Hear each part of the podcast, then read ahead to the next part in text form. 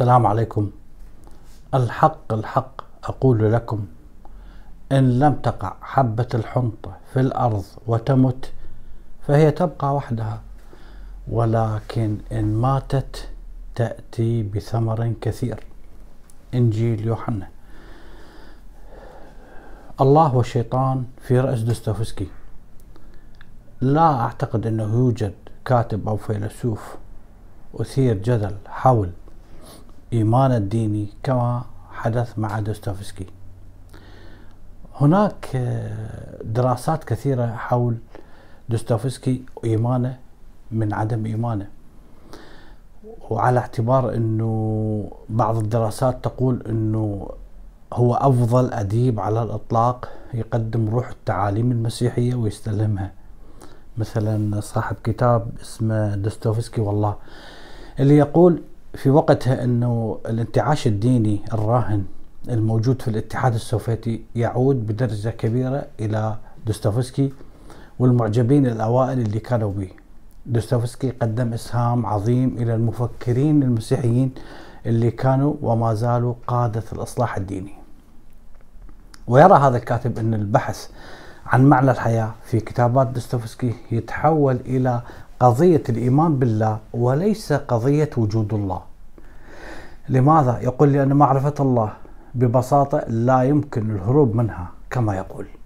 ويعني الإيمان بالله في الحقيقة هو اعتراف بالله لأن الله هو الأصل الروحي لكل شيء كان. لكن مع ذلك هناك هوة مطلقة بين الله والإنسان وهاي هي اللي دون شك بيان دوستويفسكي بإيمان ديني عميق كما يقول هذا الكاتب. يدلل على هذا الرأي بما ورد على لسان أحد أبطال دوستويفسكي في رواية الأخوة كرامازوف إيفان الملحد وأنه هذا الملحد كان إلحاده مشكوك به وسيتهاوى عندما اعترف أمام أخيه المؤمن إليوشا.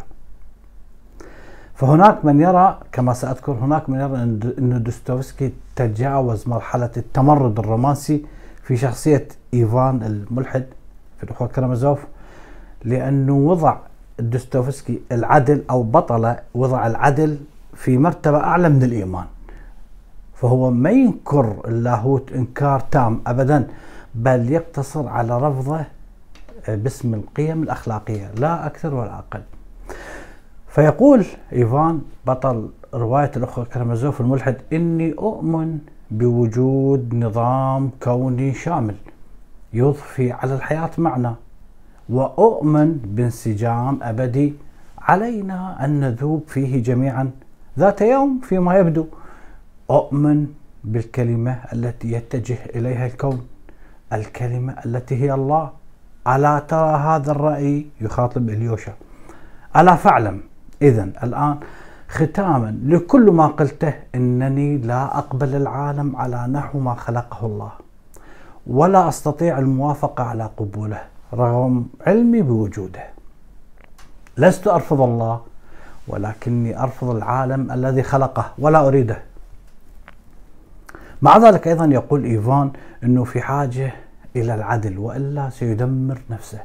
يقول إنني في حاجة إلى قصاص وعدل وإلا دمرت نفسي وهذا القصاص الذي أطالب به أنا لا أريده في لا نهاية لا يمكن الوصول إليها وفي أبدية تفوقني وإنما أريد أن أراه على هذه الأرض. أنا اراه بعيني. يقول أيضا إيفان لقد آمنت وأريد أن أشهد انتصار الحقيقة.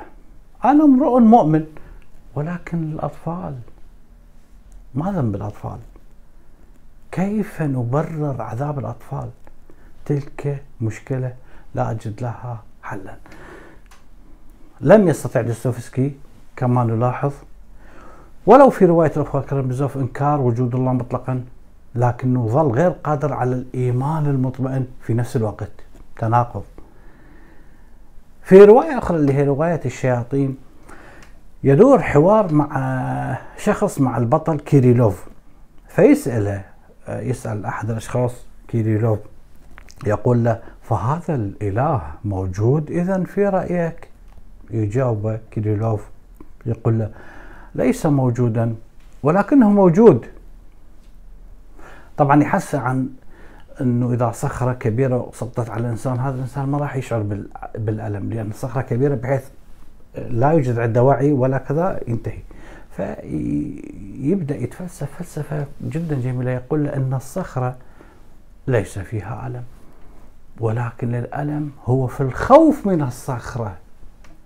الإله هو عذاب الخوف من الموت. فالإنسان الذي سينتصر على الألم والخوف سيكون هو نفسه الإله. هو عنده فكرة إنه الإنسان إذا انتحر بإرادته مو انتحر بسبب آه، فقر بسبب علاقة عاطفية فاشلة ولكن إذا انتحر بإرادته راح يكون إله. سيكون هو نفسه الإله وسوف تبدأ عندئذ حياة جديدة. عندئذ سوف يظهر الإنسان الجديد. سيكون كل شيء جديدا. وسوف يقسمون التاريخ عندئذ إلى عهدين. عهد يمتد من الغوريلا إلى انعدام الإله وعهد يمتد من انعدام الإله. في رواية الإخوة كرمزوف يعني لاحظ هذا التعالي وال والعجرفة اللي موجودة عند الإنسان في رواية الأخوة كرمزوف وكأنه رد على هذا الإنسان كيريلوف. على لسان أحد رجال الدين اللي هو الشيخ زوسيما. الذي يقول أيها الإنسان لا يحملنك كبرياؤك على التعالي على الحيوانات فهي بلا خطيئة. أما أنت فإنك مع عظمتك تدنس الأرض بوجودك وتخلف أثرا نجسا حيث تمر. كثير من من كتبوا عن دوستويفسكي كثير من النقاد اللي كتبوا عن دوستويفسكي يعتبرون إنه رواية الأخوة كرامازوف هي خلاصة لأفكار دوستويفسكي بالكامل حول الإيمان بالله وعدم الإيمان بالله. هي رواية الملحد يجد فيها ضالته والمؤمن يجد فيها ضالته. هناك آه، من هاجم دوستويفسكي بعد نشر هذه الرواية واعتبره اعتبره إنه أصبح رجعيا بتدينه. لكن دوستويفسكي لم يقبل على هذا الكلام ورد إنه لا لم أؤمن بالله ولم أعترف به كما يفعل الطفل وإنما وصلت إلى هذا الإيمان صاعدا من الشك إلى والإلحاد إلى اليقين بمشقة كبيرة وعذاب أليم. وعلى كل حال والكلام لدوستويفسكي في الأخوة كرامازوف كل شيء. لكن هناك تفسير رائع لفرويد عن الإيمان بالله من عدم الإيمان بالله عند دوستويفسكي. فكان يرى فرويد ان دوستويفسكي كان يتذبذب بين الإيمان وبين الإلحاد وإنه عقل العظيم عقل هذا الرجل العظيم قد جعل من المستحيل عليه أن يتغاضى عن أي من الصعاب العقلية اللي يؤدي إلها الإيمان. كان يأمل أن يجد مخرج ويتحرر من الذنب. لذلك كان دائما لدى دوستويفسكي عقل وروح عقل عظيم يمنع من التسليم والإيمان بسهولة لأن العقل يصطدم مع عالم ما وراء الطبيعة. كانت عنده عقل عظيم يمنع من التسليم بسهولة وعنده روح طهورية تريد أن تتحرر من ذنوب متخيلة أو ذنوب حقيقية. وكلاهما جعل عقل دوستوفسكي مليء بالصراعات صراع بين الله وبين الشيطان. في رواية الأخوة كرمزوف اليوم أتطرق إلى حوار جدا رائع بين إيفان والشيطان. في أهم جزء من هذه الرواية العظيمة الرواية الكبيرة والضخمة في أوراقها في عددها في في معناها. حوار بين إيفان والشيطان يعرض به دوستويفسكي مشهد هذا الحوار الرائع. يبدأ المشهد بمقدمات من دوستويفسكي إلى شخصية إيفان والحالة اللي يعاني من عندها. أنه إيفان على أهبه أن يصاب بنوبة حمى حارة. لأنه إيفان بالفعل زار طبيب وشخص عيلته بأنه مصاب باضطراب دماغي. الطبيب حذر إيفان أنه من الممكن أن توافيك هلوسات. بوقتها كان إيفان طبعا هذا بعد مقتل أبيه وبعد بعد سجن أخوه للي قال الرواية بعد سجن أخوه ديمتري. وبعد أن اعترف لسمريدياكوف بأنه قتل أبيه هو القاتل. لأنه دا يحقق أفكاره. فتعب إيفان جدا تعب. فجلس في غرفته وحالته أقرب ما تكون للهذيان. وبهالأثناء لاحظ وجود شخص ما موجود بالغرفة على نفس الكنبة المستندة إلى الحائط. كان هذا الشخص ظهر منذ لحظات. شخص دخل الغرفة لا يعلم إلا الله كيف. راح نعرف فيما بعد أنه هذا الشخص هو الشيطان إنسان محترم روسي في الخمسينات من العمر تقريبا. ويبدو من وصف ثيابه بأنه حسب ما يقول دوستويفسكي ينتمي إلى فئة ملاكي الأرض القدماء الذين كانت أوضاعهم مزدهرة أيام القنانة عندما كان نظام القنانة في روسيا. خلال طيلة الحوار إيفان لا يصدق أنه هذا الشيطان فعلا بل هو جزء من مخيلته. وهنا راح يرد الشيطان عليه فيقول الشيطان لإيفان لك أن تعتقد بما تشاء. ما جدوى الإيمان الذي يتم بقصر وأكراه؟ ثم إن البراهين لا يمكن أبدا أن تصلح أساسا يقوم عليه الإيمان ولا سيما البراهين المادية. أن القديس توما لم يؤمن لأنه رأى المسيح يبعث بل لأنه كان ظامئا إلى الإيمان قبل ذلك. فالشيطان يكمل حواره إنه متعجب من هؤلاء الناس اللي يؤمنون بعالم الغيب يؤمنون بالله ببراهين وأدلة مادية على ذلك الإيمان. فيقول وهو يسخر منهم تخيل أنهم يتصورون أنهم ينفعون الدين لأن الشيطان يظهر يظهر لهم قرونه من حين إلى آخر. بالتالي لا يمكن أن تكون حسب هذا الشيطان أنه غاية الدين إثبات صحة. هذا الدين بأدلة علمية بأدلة مادية. وهنا راح يسأل الشيطان سؤال محوري. هبهم برهنوا على وجود الشيطان. فهل يترتب على ذلك إن الله موجود أيضا؟ وهنا راح يكون عندنا احتمالين. الاحتمال الأول أن الشيطان من مخلوقات الله. بالتالي فإن إثبات وجود الشيطان يعني إثبات وجود الله على اعتبار أن وجود الله نفسه بوجود البشر. ما دام البشر موجودين إذا هم يعتقدون بوجود الله. يعني وجود الشيطان كإثبات وجود الله بوجود البشر. وهذا آه، إثبات ضعيف يعني ما يسمو إلى الدليل القوي. الاحتمال الثاني أن الشيطان هو جزء من الله أو بعبارة أخرى أن الله يحوي جزء الخير والجزء الشرير. بالضبط كما موجودة في فصل في آه، أفكار العالم النفسي كارل يونغ. وهذا آه، تصور منافي للديانة المسيحية بالكامل لأنه إله خير مطلق. يستمر هذا الحوار بين الشيطان وبين إيفان ويحاول إيفان أن يقنع نفسه أو يقنع هذا الشيطان الماثل أمامه بأنه لا وجود حقيقي له وأنه أنت مجرد هلوسة دماغي المريض. وبلحظة عصبية إيفان يقول للشيطان أسكت وإلا هويت عليك ركلا.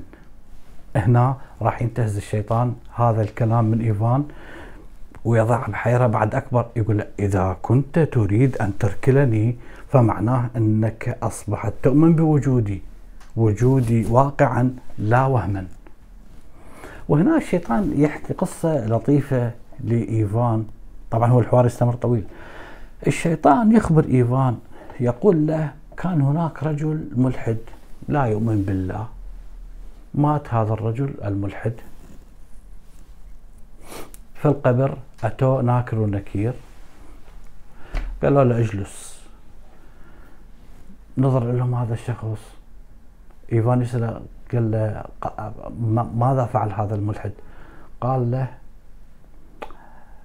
يعني أدار لهم ظهره وقال لهم اذهبوا إن وجودكم يخالف معتقداتي. والحقيقة راح نشوف أنه هذا الشيطان عنده ألاعيب يتلاعب بعقل إيفان. إيفان بطبيعة الحال مثل ما ذكرنا لا يؤمن بوجود هذا الشيطان ككيان خارج عنه هو جزء من عنده هو المرض اللي بداخله. فيقول له ما أنت إلا أنا أنت اللوثة التي في دماغي.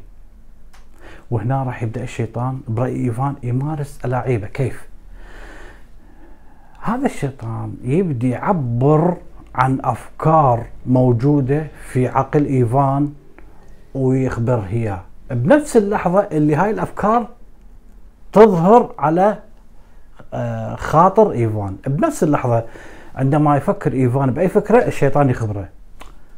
فيستفز الشيطان إيفان يقول له بلحظة غضب إيفان يعني يخبر يشتم الشيطان فيقول له أنت غبي سوقي. فيذكر الشيطان لإيفان الفكرة السائدة الموجودة عند ذهنية وعقل معظم الناس اللي هي يقول له ان من المسلم به في المجتمع عامة كبديهة من البديهيات إني ملاك سقط. يقصد إنه كيف إن الله قصة الخلق والله غضب على الشيطان ونزل الأرض.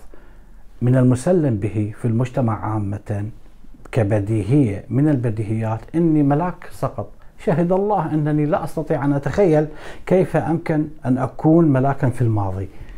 وابني كنت في الماضي ملاكا فإن ذلك يرجع إلى عهد بعيد جدا إلى حد أنني أعذر إذا أنا نسيته. وهنا نبدأ نتساءل هل الشيطان أصله فعلا؟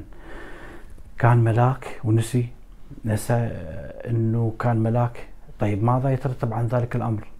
والحقيقة لربما نعثر على إجابة عندما يقول الشيطان مخاطبا إيفان لا شيء مما هو إنساني غريب عني. فشيء عجيب بحيث إنه إيفان يفكر بهاي العبارة اللي قالها.